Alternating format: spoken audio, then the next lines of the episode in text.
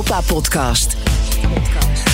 Bonsoir, good morning. Goedendag, welkom bij de Europa-podcast. De podcast van Nederland over Europese zaken... met blikken vanuit en naar Brussel en ver daarbuiten. Mijn naam is Stefan de Vries. In deze aflevering praten we na over de Duitse verkiezingen. Zoals verwacht werd Olaf Scholz met zijn SPD de grootste. Maar het is nog maar de vraag of hij ook daadwerkelijk bondskanselier zal worden. En als er dan een nieuwe kanselier is, wat betekent dat dan voor het Europees project? Daar praat ik over met Luc van Middelaar... hoogleraar grondslagen en praktijk van de Europese Unie... aan de Universiteit Leiden. En hier in de studio in Amsterdam Amsterdam Hanko Jurgens, verbonden aan het Duitsland Instituut van de Universiteit van Amsterdam. En verder pakken we ook nog het Brusselse nieuws van deze week mee en sluiten onze uitzending af, zoals altijd, met een flinke dosis Eurotrash in onze eigen Europese hitparade. Yo, yo, zacina sranda, bližšie, Santa. En wat dat is, hoort u zo meteen. U luistert in ieder geval nu naar de podcastversie, maar wekelijks maken we ook een radio-uitzending op de FM online en DAP+. De digitale radio elke woensdagavond tussen 7 en half 8. Onze podcast is er op bnr.nl en in je eigen favoriete podcastspeler. Zoek ons op Europa Podcast BNR. Eurocommissarissen Haan en de Vries houden de Brusselse zaken scherp in de gaten. Het is de week waarin de visoorlog in het kanaal weer oplaait. De Britten weigeren vergunningen af te geven aan Franse vissersboten... ondanks dat ze dat toch beloofd hadden tijdens de brexit-onderhandelingen. Ook Nederlandse vissers mogen minder vangen in de Britse wateren. En de Fransen willen nu dat de EU maatregelen neemt tegen de onwillige Britten. En zondag waren er niet alleen verkiezingen in Duitsland... ook de Portugezen gingen naar de stembus. De inwoners daar kozen hun nieuwe gemeenteraden en burgemeesters. En in Lissabon ging de overwinning naar een oude bekende... een voormalig euro commissaris, de sociaaldemocraat Carlos Moedas. En de nieuwe burgemeester wil het gebrek aan betaalbare huisvesting oplossen daar... en van Lissabon een van de start-up hoofdsteden van Europa maken.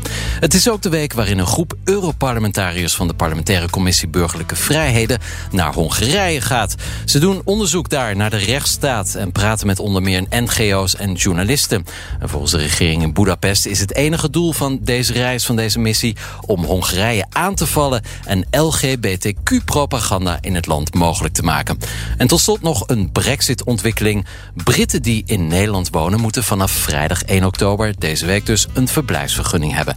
Nadat ze bijna 50 jaar EU-burger waren, worden de Britten nu echt vreemdelingen op het Europese vasteland. BNR Nieuwsradio. De Europa-podcast. Stefan de Vries. Olaf Scholz is met zijn sociaal-democratische SPD niet helemaal onverwacht de winnaar geworden van de Duitse verkiezingen. De eerste coalitie die nu onderzocht wordt is een zogenaamde Ampel-coalitie tussen SPD, Groenen en de liberale FDP. En de Ampel is dan het verkeerslicht rood, oranje, groen. De laatste twee partijen, die dus derde en vierde werden, die nemen nu het voortouw. Einigkeit demonstrieren derweil Grüne und FDP. In der Nacht posten die Parteichefs Lindner, Baerbock und Habeck sowie FDP-Generalsekretär Wissing ein gemeinsames Foto und schreiben, auf der Suche nach einer neuen Regierung loten wir Gemeinsamkeiten und Brücken über Trennendes aus und finden sogar welche. Spannende Zeiten. Ja, interessant dus de FDP en de Groenen die eerst met elkaar praten en niet de overwinnaars. Uh, de SPD zal naar alle waarschijnlijkheid uh, aanschuiven. Maar wat betekent deze machtsovername? En ja, wat betekent de Duitse verkiezingsuitslag voor Europa? Ik bespreek het met in Brussel Luc van Middelaar, hoogleraar grondslagen en praktijk van de Europese Unie aan de Universiteit Leiden. En ook schrijver van het nieuwe boek Een Europees Pandemonium over hoe de EU op corona reageerde. Vast een heel, heel dun boek. Uh, welkom Luc van Middelaar. Hier in de studio Hanko Jurgens, verbonden aan het Duitsland Instituut van de Universiteit van Amsterdam. Herzlich welkom, heren. Uh, Hanko, we beginnen even met jou. Uh, de ontwikkelingen in de Duitse formatie. Dus niet de grootste partijen, maar de nummers 3 en 4, de Groenen en de FDP. Die zijn begonnen met de coalitiebesprekingen. Um, tegelijkertijd praat de FDP ook met het CDU. Uh, welke kant zal het opgaan, denk jij? Ja, het is natuurlijk een beetje experimenteel voor Duitsland, omdat er nu drie partijen zijn. Uh, of tenminste dat ze uh, een regeringscoalitie zoeken van uh, drie partijen. En daar maakt de FDP een beetje gebruik van, van manoeuvreerruimte. Want ze doen alsof ze met de CDU graag verder willen. En ze hebben ook al aangekondigd dat ze met de CDU en CSU gaan praten. maar uiteindelijk uh, ontkomen ze er volgens mij niet aan om uh, toch in die uh, stoplichtcoalitie uh, verder te gaan. En dan moeten ze dus gewoon met de SPD verder praten. Maar ze willen natuurlijk altijd een alternatief hebben. Ze willen kunnen zeggen tegen de SPD van ja, eigenlijk hadden we dit niet gewild. Wij passen veel beter bij de christendemocraten.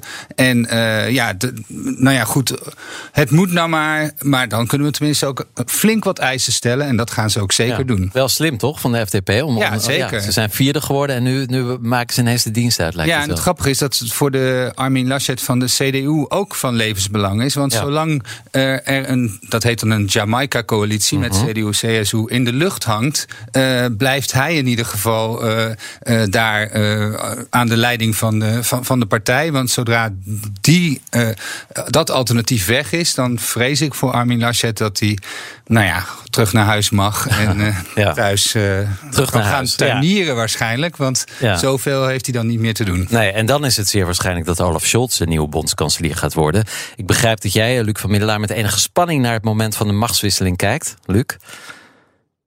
Ja, dat is toch ook eh, niet alleen in Duitsland, maar ook in de Europese politiek.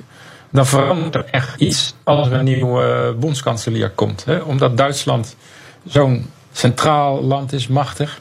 Maar ook die Duitse kanseliers, met name in de Europese Raad van Regeringsleiders, het crisisorgaan, eh, een zwaarwegende stem hebben.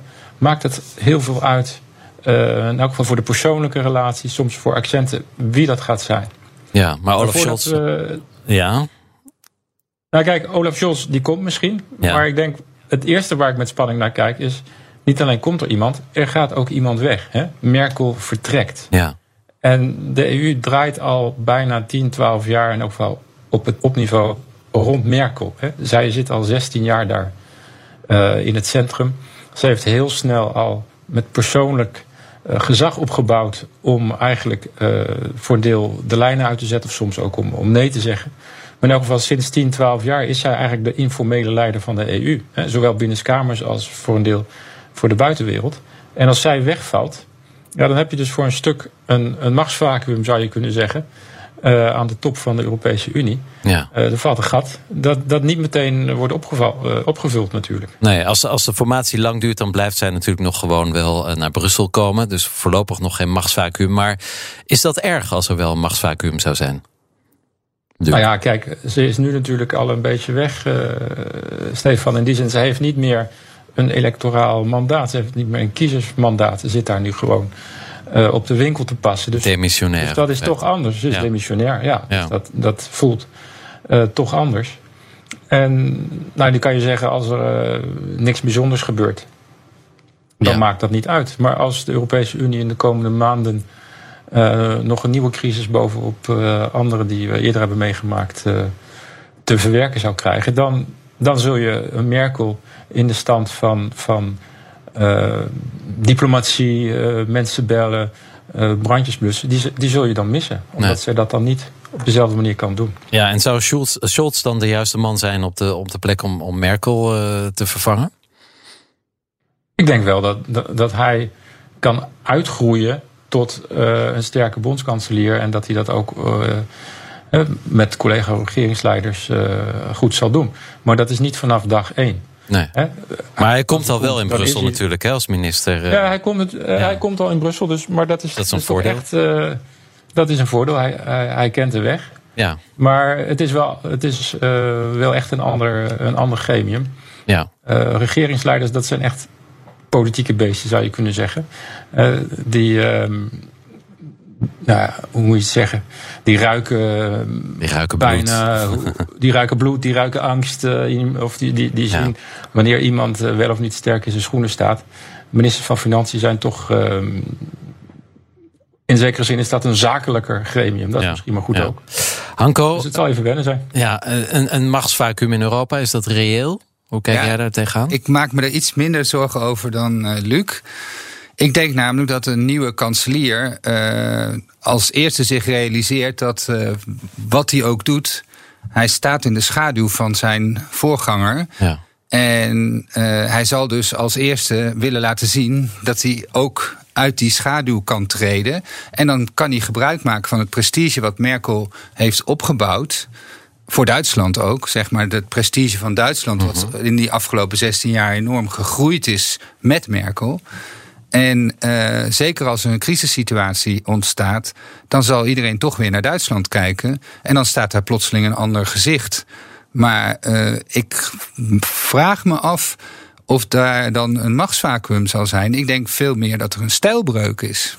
Ja. Dus eh, Merkel had altijd de neiging om, als er problemen zijn, te zorgen dat er op een of andere manier een consensus ontstaat. En zodra die consensus er is, dat na- eh, bijna als alternatiefloos naar buiten te brengen. Maar al te veel discussie over de toekomst van de Europese Unie, zeg maar visionaire politiek, daar had ze helemaal geen behoefte aan. Nee. Want zij vond dat de problemen van vandaag moesten worden opgelost. Ja, ja. Daar zou wel eens een verandering in kunnen komen. Met name omdat Macron natuurlijk altijd al voor die visionaire politiek staat. En eh, de beide mogelijke kanseliers, Lachette, maar, maar eh, zeker ook Scholz.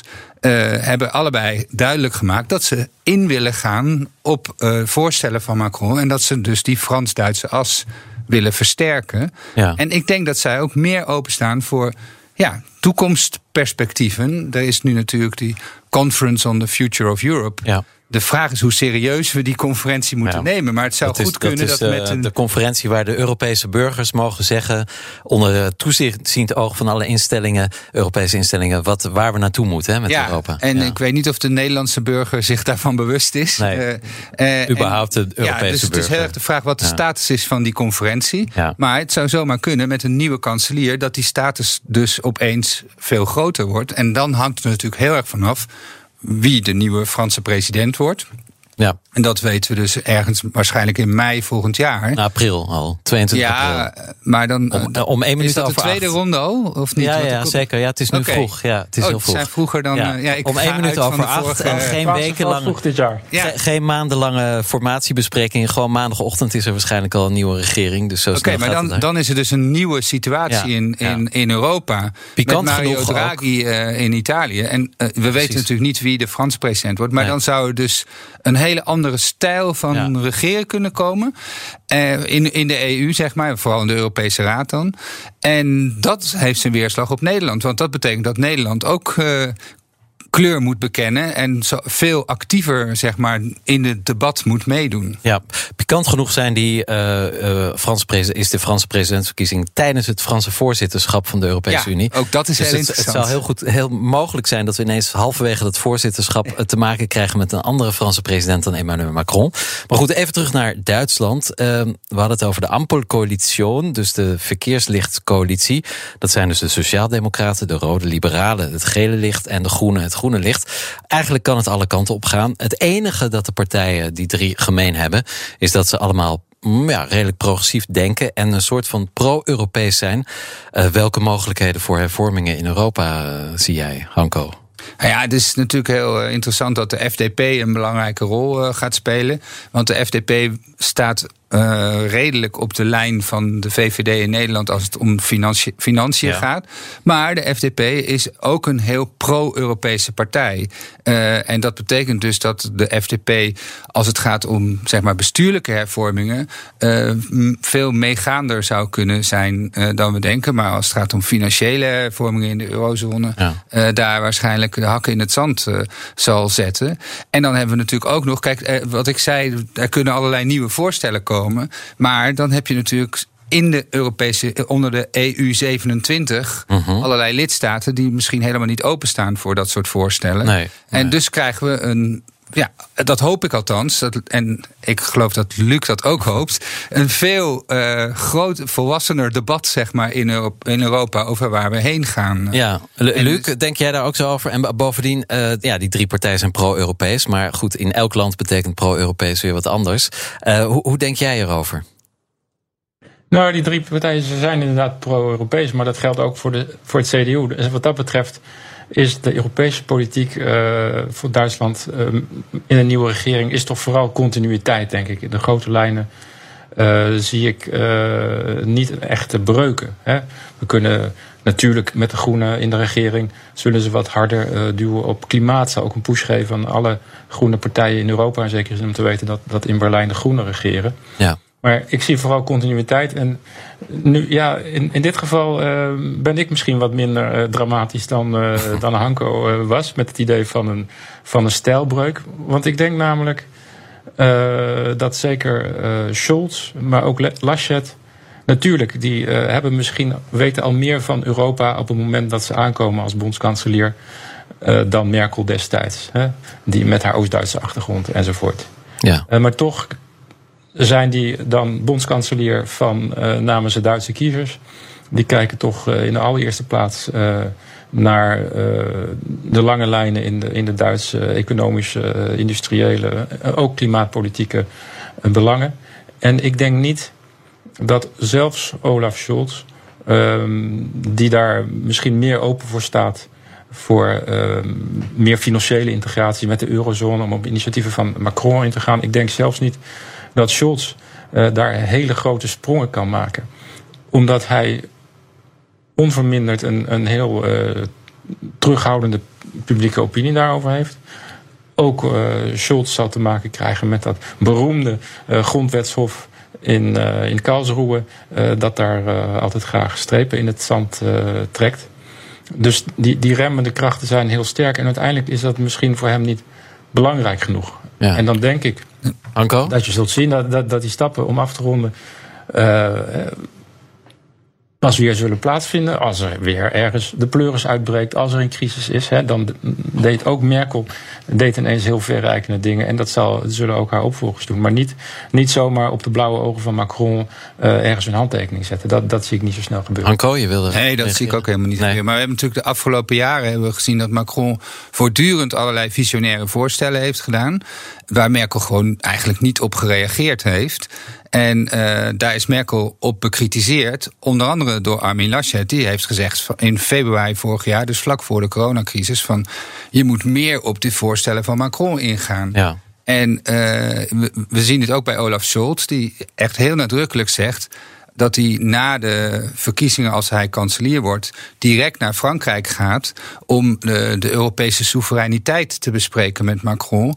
Maar hij heeft ook bijvoorbeeld tijdens de verkiezingscampagne voorstellen gedaan voor uh, besluiten bij gekwalificeerde meerderheden in de Europese Raad als het gaat om financiën en buitenlands beleid. En dat zijn natuurlijk bestuurlijke hervormingen. Dat, ik ben het met Luc eens, inderdaad. De, uh, de, de, de, financiële hervormingen, daar zijn zoveel ja, tegenkrachten ook in Duitsland, dat dat zo, makkelijk niet zal gaan. Hoewel er natuurlijk wel gesproken moet worden over hoe het uh, corona-herstelfonds eindigt, zeg maar. Ja. Uh, dus daar kunnen natuurlijk ook nog uh, verschillen zitten. Maar uiteindelijk zal Olaf Scholz ook heel graag willen laten zien dat hij financieel betrouwbaar is en geen geld over de balk gooit. Dus zal, zal daar misschien niet zo heel veel veranderen. Maar in de bestuurlijke zin is het in ieder geval zo dat Scholz open staat voor verandering.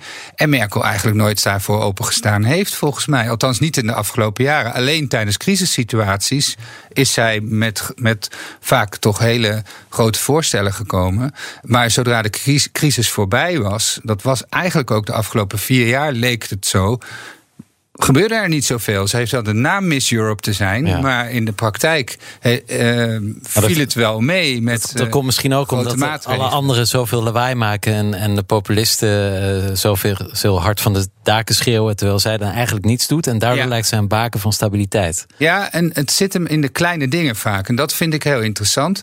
Om een voorbeeld te geven, de, tijdens de coronacrisis kwam op een gegeven moment minister De Jonge ons en, en de Duitse minister van Volksgezondheid, de Franse en de Italiaanse, met een voorstel om uh, gezamenlijk inkopen te doen van vaccinaties. Ja. En dat is dus niet Europees denken in nee, feite. Dat is maar ieder voor zich. Ieder voor zich denken. Ja. En dat voorstel was vrij ver. En dat is door Merkel getorpedeerd. Die heeft op een gegeven moment gezegd dat gaat niet door. Nee. En daar zie je de rol van Merkel heel sterk. Op, in de kleine dingen vind ik.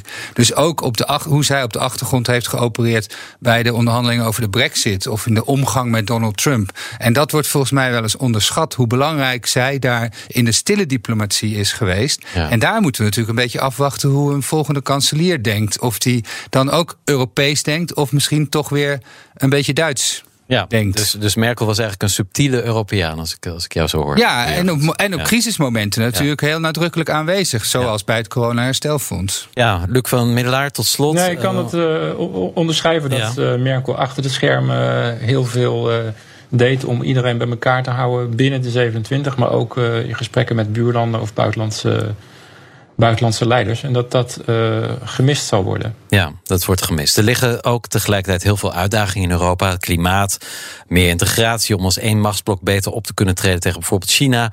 Uh, misschien een Europees leger. Er, er, moet heel veel gebeuren, Luc. Jazeker. En dat, uh, dat wist Merkel ook al. Die heeft, en dat, dat weten haar opvolgers ook. Maar die zullen toch heel pragmatisch kijken naar onderwerpen waar uh, concrete vooruitgang uh, kan worden geboekt. En een nieuwe bondskanselier, nogmaals, die zal toch eerst kijken naar uh, zijn binnenlandse agenda. Die moet een regering bij elkaar houden. En die wil laten zien dat hij ook in Europa iets voor elkaar kan krijgen.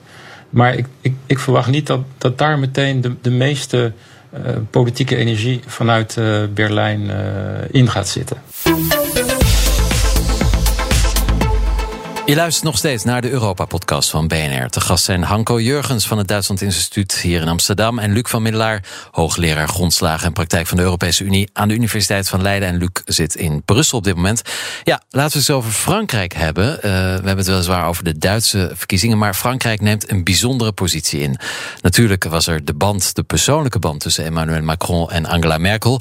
Hoewel Macron alweer de vierde president was... die de bondskanselier heeft meegemaakt.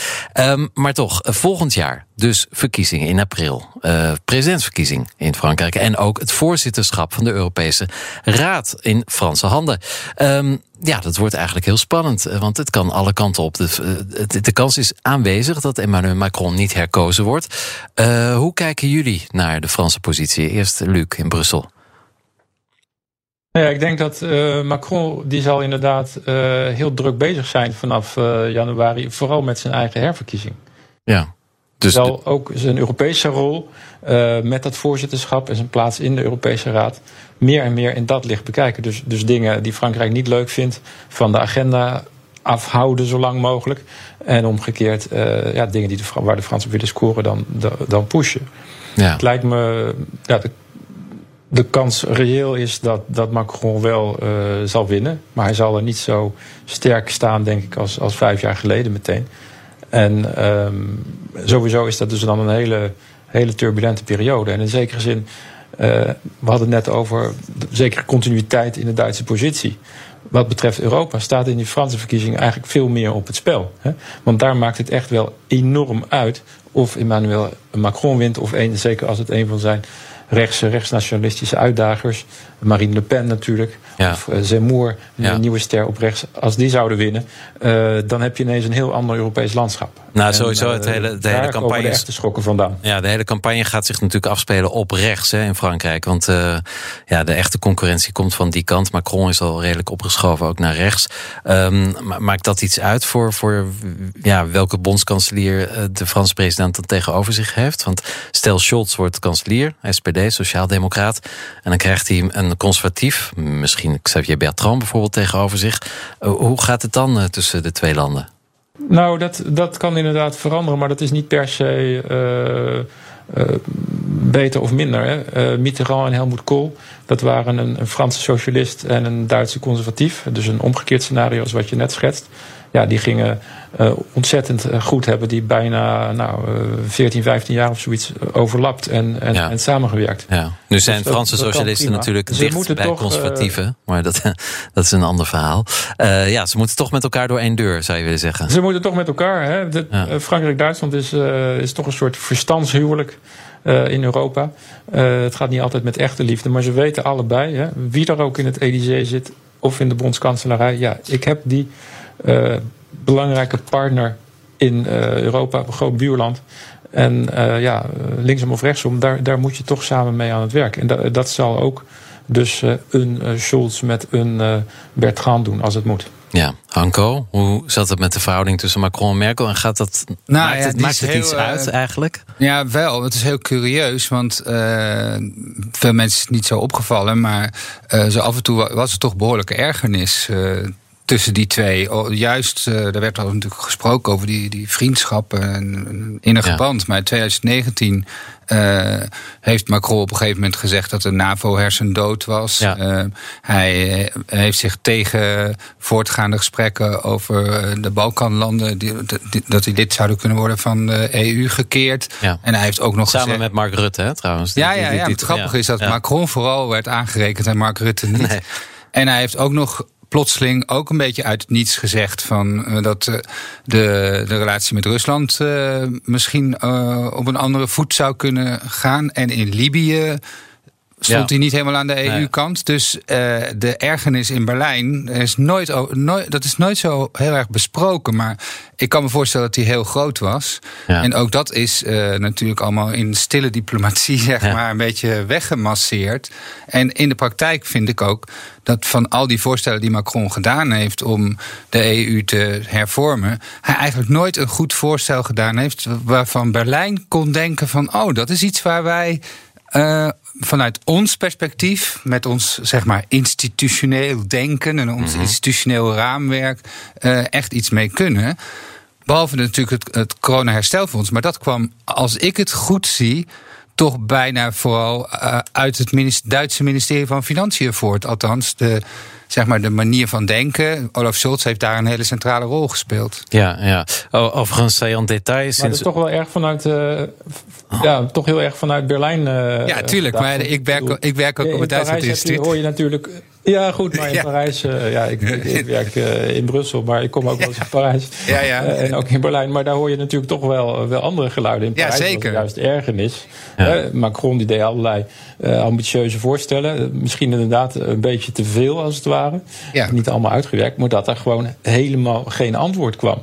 Nee. ja, maar de vraag is waarom kwam er geen antwoord? Nine in, dan was het nine of dit of dat. Dus daar, het is aan beide kanten, als het ware, is er ergernis ingeslopen. En wat er is gebeurd in de coronapandemie, is dat die posities uh, daar toch uh, zijn samengekomen. Ja. Het is Macron geweest die toen een tamelijk dramatische oproep heeft gedaan in de Financial Times notabene aan Duitsland en ook aan Nederland, zo uh, april 2020. Met te zeggen van hè, de geschiedenis roept. We moeten niet, hè, dat, dat ja. gaat dan uh, hè, Ja. heel uh, dramatisch. We moeten niet de fout maken van uh, na de Eerste Wereldoorlog in 1919. het is nu 2020 en we moeten, en jullie rijke landen moeten arme landen, Italië, Spanje, die zuchten onder. En Frankrijk de uitbraak ook. van het virus hij, en de hij economie. En zichzelf. uiteraard Frankrijk zelf. Ja. Uiteraard denkt hij ook aan zichzelf. Hij was Ja. ook een beetje advocaat van het zuiden, Stefan, zoals Ja, je ja. ook goed weet. Ja. Uh, maar Macron deed dus een soort dramatisch appel. En het is vervolgens, uh, heeft Merkel gereageerd... ja, we moeten daar wat mee. We moeten wat met Frankrijk. Ja. We moeten wat Ja. Nee, met mijn analyse was Merkel. En het Ja. is in, in, vervolgens heeft de commissie een voorstel gedaan... Wat, wat iedereen paste. En wat inderdaad beter paste bij de Duitse... dan bij de Franse manier van denken. Daar heb je gelijk in. Ja, en mijn analyse was Merkel al, ook al, ik geloof op 6 maart heeft ze al op een persconferentie uh, gezegd dat uh, buitengewone, dat, dit- dat zeg maar de pandemie te vergelijken is met een natuurramp.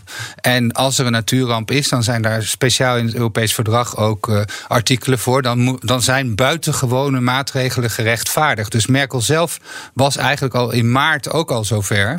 En, uh, dus ik, en, en uiteindelijk, wat heel vaak gebeurt natuurlijk, is dat Duitsland Frankrijk de eer gunt om uh, dit soort maatregelen te nemen. Omdat Duitsland ook weet dat Frankrijk dat heel erg nodig heeft. Maar ja, dus het is een beetje de vraag of, hier. Uh, zeg maar Macron de leidende rol had, of dat het toch uit het uit, in Berlijn al ook al enigszins was voorgekookt. Ja. Naar mijn idee. Nou, uiteindelijk was het toch een mooi Europees uh, compromis. Wat ik overigens wel een saillant detail vind, is dat sinds het aantreden van Merkel, dus in, uh, wanneer is het, 2005 dus, uh, en, en tussen toen en nu, um, is de staatsschuld van Frankrijk verdubbeld. Van ongeveer 60% naar 120% nu. Nou, dat moet echt heel erg klinken in de oren van Olaf Scholz, die, graag vasthoudt aan de Schwarze Nul. Um, kan dat nog een probleem worden? Ja, dat, dat, de Fransen een potje van hebben gemaakt met een Tot nog toe staats... wordt het allemaal in de minne geschikt, toch? Uh, dat ja. is uiteindelijk. Ja. Geloof, het, het, ik denk wel dat de CDU heeft natuurlijk een hele. Uh, sterk liberale achterban waar ze rekening mee moeten houden. Waar Friedrich ja. Merz natuurlijk de, de belangrijke personificatie eigenlijk van is. En uh, dus als, als er een CDU-kanselier zou zijn, moet uh, de, wie het ook is, moet er toch altijd meer rekening houden met strengere uh, begrotingseisen dan als het een SPD-kanselier is. Maar bij de, de SPD-kanselier zal rekening moeten houden met de FDP, die altijd ja. zal proberen al te veel geld uitgeven tegen te houden. Dus ja. Ja. Kan uh, Luc van Middelaar Scholz, uh, wat denk jij, meer bruggen slaan met Frankrijk, met, met Emmanuel Macron, van wie eigenlijk de politieke kleur helemaal niet duidelijk is? Want is hij nou links, rechts, uh, best wel heel erg rechts, conservatief? ik, ik kan hem eigenlijk niet vastpinnen op enige politieke kleur, Emmanuel Macron. Um, denk je dat Scholz ja, toch misschien wat meer verbinding zou kunnen maken dan Angela Merkel gedaan heeft het afgelopen. Nou ja, hoe lang is Macron nu president? Vier jaar. Uh, nou, meer dan Merkel, uh, dat weet ik niet. Ik denk wel meer dan Laschet, eerlijk gezegd. Dat, dat, dat Scholz uh, sneller ook het respect zal winnen van, van Macron. Ook als, als persoonlijkheid. Laschet komt toch wat minder sterk over. Die kwam ook op de kiezers wat minder sterk over. Maar ik denk ook op zijn collega-leiders. ja. En Scholz is denk ik heel pragmatisch. En dat is Macron uiteindelijk ook. Dat is misschien ook de reden, Stefan, waarom die moeilijk is te plaatsen soms. Hij, ja. hij reageert sterk op de omstandigheden, op publieke opinie. En um, uh, ze zullen elkaar denk ik wel, uh, wel kunnen vinden wat dat betreft. Ja, laten we eens kijken naar een ander Europees uh, onderwerp uh, wat actueel is. Uh, de Europese defensie, of het ontbreken daarvan. Frankrijk is nu natuurlijk heel erg boos en blaast, blaast hoog van de toren vanwege het AUKUS-pact. Het AUKUS dat een Judaskus werd. dat is een pact van de Engelsen, de, de Amerikanen en Australië. Frankrijk dacht een mooie deal gesloten te hebben met Australië voor de levering van onderzeeërs. En Australië ging achter de rug van Frankrijk naar dezelfde de Engelstaligen. Um, Ursula von der Leyen ging volop mee in de Franse woede. Um, hoe beïnvloedt deze affaire de agenda van Frankrijk uh, als voorzitter voor, het komende jaar, Luc?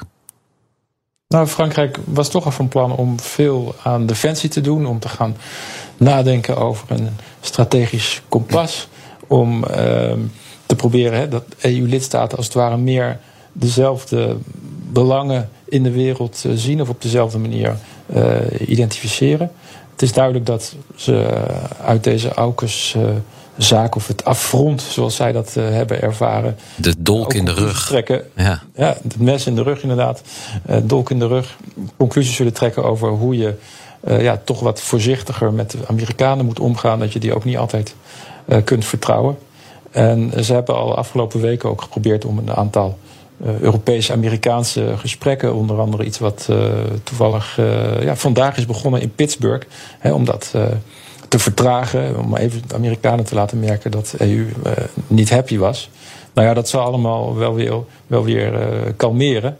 Maar je voelt toch dat die Franse ideeën over strategische autonomie, heet dat dan in de Brusselse taal. Ja. Dus telk bij al dit soort uh, en internationale crisis, Afghanistan natuurlijk ook, ja. waren weer wind in de rug krijgen. En hè, dat von der Leyen uh, dat uh, ook meteen oppakt, dat doet ze ook.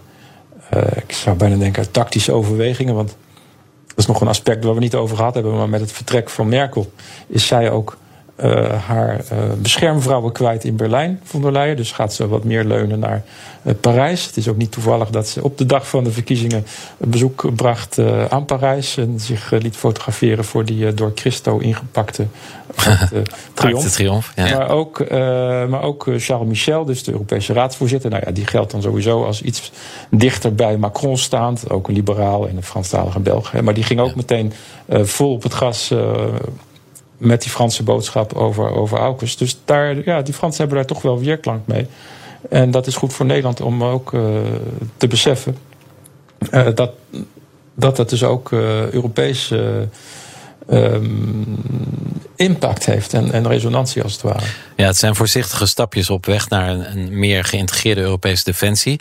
Dat ligt voor Duitsland natuurlijk heel gevoelig, Hanko. Ja, nou, ik vind het heel grappig eigenlijk, of interessant, dat uh, uh, voor Frankrijk was dus de, de, het, het, afblazen van de onderzeeërsdeal een signaal voor een meer Europese aanpak. Voor Duitsland was dat natuurlijk de terugtrekking uit Afghanistan. Want dat is in Duitsland kwam, kwam veel harder aan dan bij ons. Uh, uh, omdat er in Duitsland echt het idee was dat men twintig jaar daar uh, aan gewerkt heeft om daar zeg maar toch een soort civil society te creëren. Die in één keer hop weg was. En ja. de mensenrechten waren daar in het geding.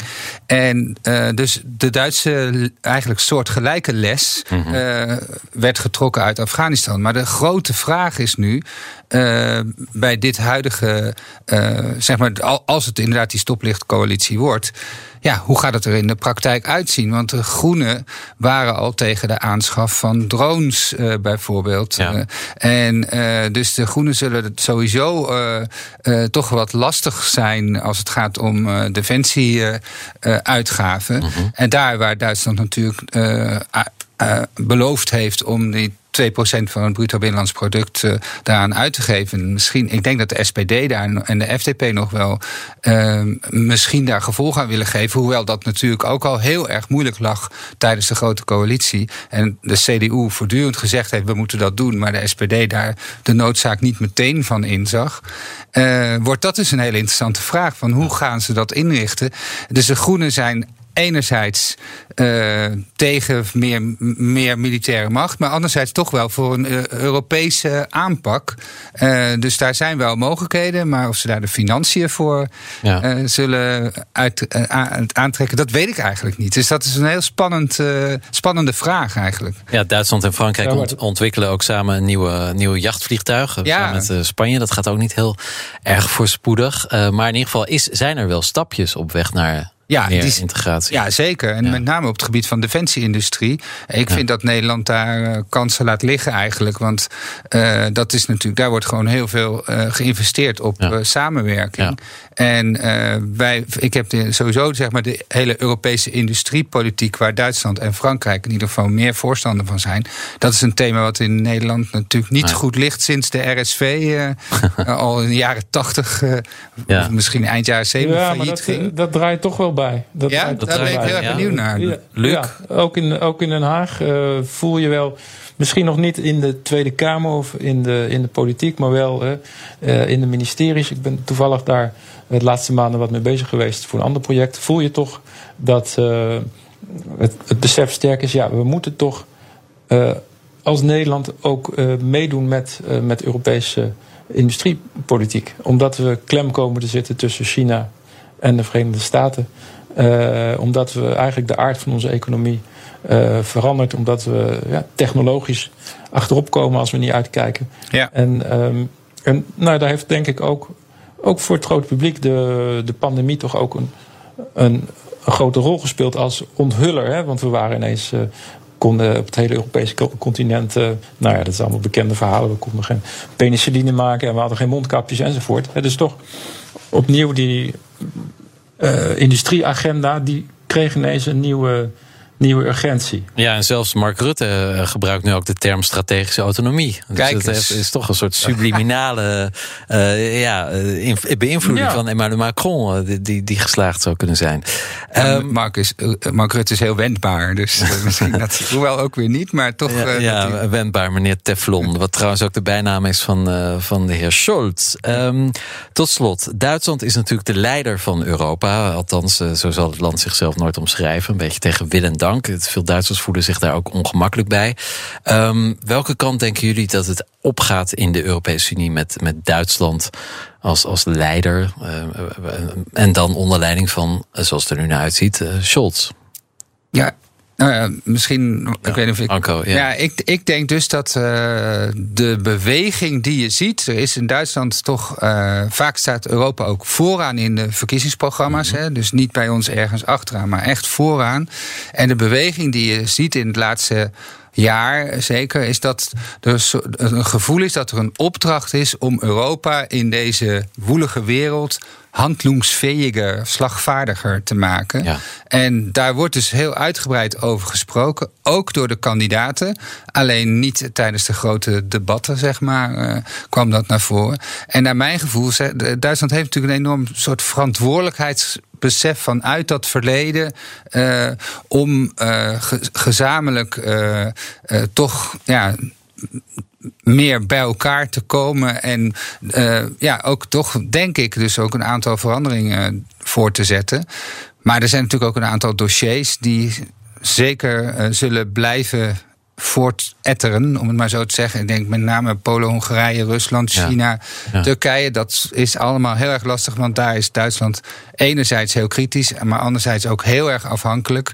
En echt echt doorpakken, dan snijdt, snijdt het land zich in, in het eigen vlees. Dus dat zullen ze denk ik uiteindelijk toch niet doen. Dus daar zie ik wel veel continuïteit. Ja, Luc van Middelaar, Europa als leider van Europa. Gaat dat veranderen?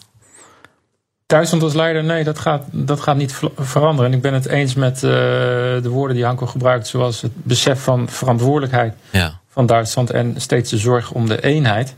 En soms is die zorg om de eenheid dan inderdaad zo groot uh, dat ook uh, nou, Hongarije, ook door Merkel persoonlijk, Orbán, haar partijgenoot destijds nog heel lang het hoofd, de hand boven het hoofd is gehouden. Ja. Denk maar je... ik denk dat je ook niet, ja, ja. niet moet vergeten hoezeer Duitsland geografisch nu in het centrum ligt van de Europese Unie. Hè? Ja. Toen het ooit werd opgericht, lagen ze een beetje aan de oostkant. Maar nu liggen ze echt in het midden. Dat is nog uh, versterkt door ja. Brexit. En natuurlijk door de uitbreiding uh, met Oost-Duitsland en andere oostelijke landen. En wat je eigenlijk ziet is, terwijl Duitsland zich na de oorlog op het westen, op Frankrijk heeft georiënteerd, hè, met Adenauer. Mm -hmm. Als ik even historisch mag uitzoomen aan het slot. Hè, Heel dan graag. krijg je met hè, Brandt en Schmid Oostpolitiek. De blik naar het oosten gericht. En wat Merkel eigenlijk heeft ingezet in haar jaren. En dat is in dat coronafonds uh, tot uitdrukking gekomen, is zou je kunnen zeggen, Zuidpolitiek. Namelijk het besef in Duitsland dat ook Italië en Spanje uh, bij uh, die Europese Unie horen. Dat daar belangrijke markten liggen, dat die de buitengrenzen bewaken van de Middellandse Zee voor migratie. En ik denk dat, dat Scholz die lijn zal, zal doortrekken. En wat het opvallende is, is dat Merkel ook is begonnen, en ik hoop dat haar opvolgers daar nog duidelijker in zullen zijn, om dat ook thuis uh, te vertellen aan de Duitse kiezers. Hè? Ja. Hoe belangrijk Europa voor hen is. En, um, en als het ware steeds dat Europese en Duitse belang te verbinden. En dat zou ook voor Nederland natuurlijk heel goed zijn als dat zou lukken. Ja, dus, dus als de Duitse kiezers begrijpen dat het Duitse belang verbonden is met het Europese belang en vice versa, dan, dan wordt het nog eens wat met Europa. Dan wordt het nog eens wat. nou, misschien een goed stapje voor stapje. Stapje voor stapje. Dat zou de slogan kunnen zijn van de Europese Unie. Uh, dank, Luc van Middelaar, hoogleraar grondslagen en praktijk van de Europese Unie aan de Universiteit van Leiden. En ook schrijver van het nieuwe boek Een Europees Pandemonium over hoe de EU op corona reageerde. Luc, ik, ik vond het maar een potje. Is dat ook wat jij uit je boek, uh, in je boek concludeert of niet? Ja, ik zeg het. Nee, ik concludeer het niet. Maar het was een potje aan het begin. Ja. En toch is heel snel is er van alles. Uh, eigenlijk revolutionaire dingen zijn kunnen veranderen. Dus je ziet heel sterk uh, veerkracht, zeg maar. En dat is heel spannend. Ja. De meer daar die veerkracht het ook het publiek was. Uh, en de mensen in nood die met wanhoopskreten vanuit Italië daartoe hebben aangezet. Dus ja, bijzonder samenspel. Bijzonder. Ja, ligt, ligt het al in de winkel? Het ligt al in de winkel. Oké, okay, nou we zullen de link. Net. Ze zijn nog Net. warm. Oh, ze zijn nog warm. En ze, okay. zijn, en, en, ze zijn inderdaad, uh, het boekje is inderdaad heel dun. Dus, uh, ja, dat was een beetje ironisch. Maar in ieder geval, nou, een Europees pandemonium. We zullen de link naar je site en het boek in onze show notes zetten. ik, ik ga het in ieder geval lezen, want ik ben heel benieuwd hoe jij ernaar kijkt. Luc van Middelaar, altijd interessant om jouw visies te horen. En ook natuurlijk Hanko Jurgens, altijd goede bijdragers. verbonden aan het Duitsland Instituut aan de Universiteit hier in Amsterdam. Dank jullie wel, heren. Nummer 1 in. Zoals iedere aflevering van deze podcast besluiten met de Europese hoogcultuur. En dat doen we met een nummer 1 hit uit een EU-lidstaat. Deze week is dat het meest beluisterde nummer in de Tsjechische Republiek. Let's go! Dit zijn Samé en Natalia Huliova met hun single Breeze op 1 dus deze week in Tsjechië. En wil je dit nummer nou helemaal horen? Dat kan in onze playlist op Spotify, die steeds meer mensen weten te vinden. Daarin zetten we alle muziek uit de BNR Europa podcast. Even zoeken op BNR Europa nummer 1 en de link staat ook in de show notes. Dit was de BNR Europa podcast. Dank voor het luisteren. Volgende week woensdag zijn we er weer. À la prochaine.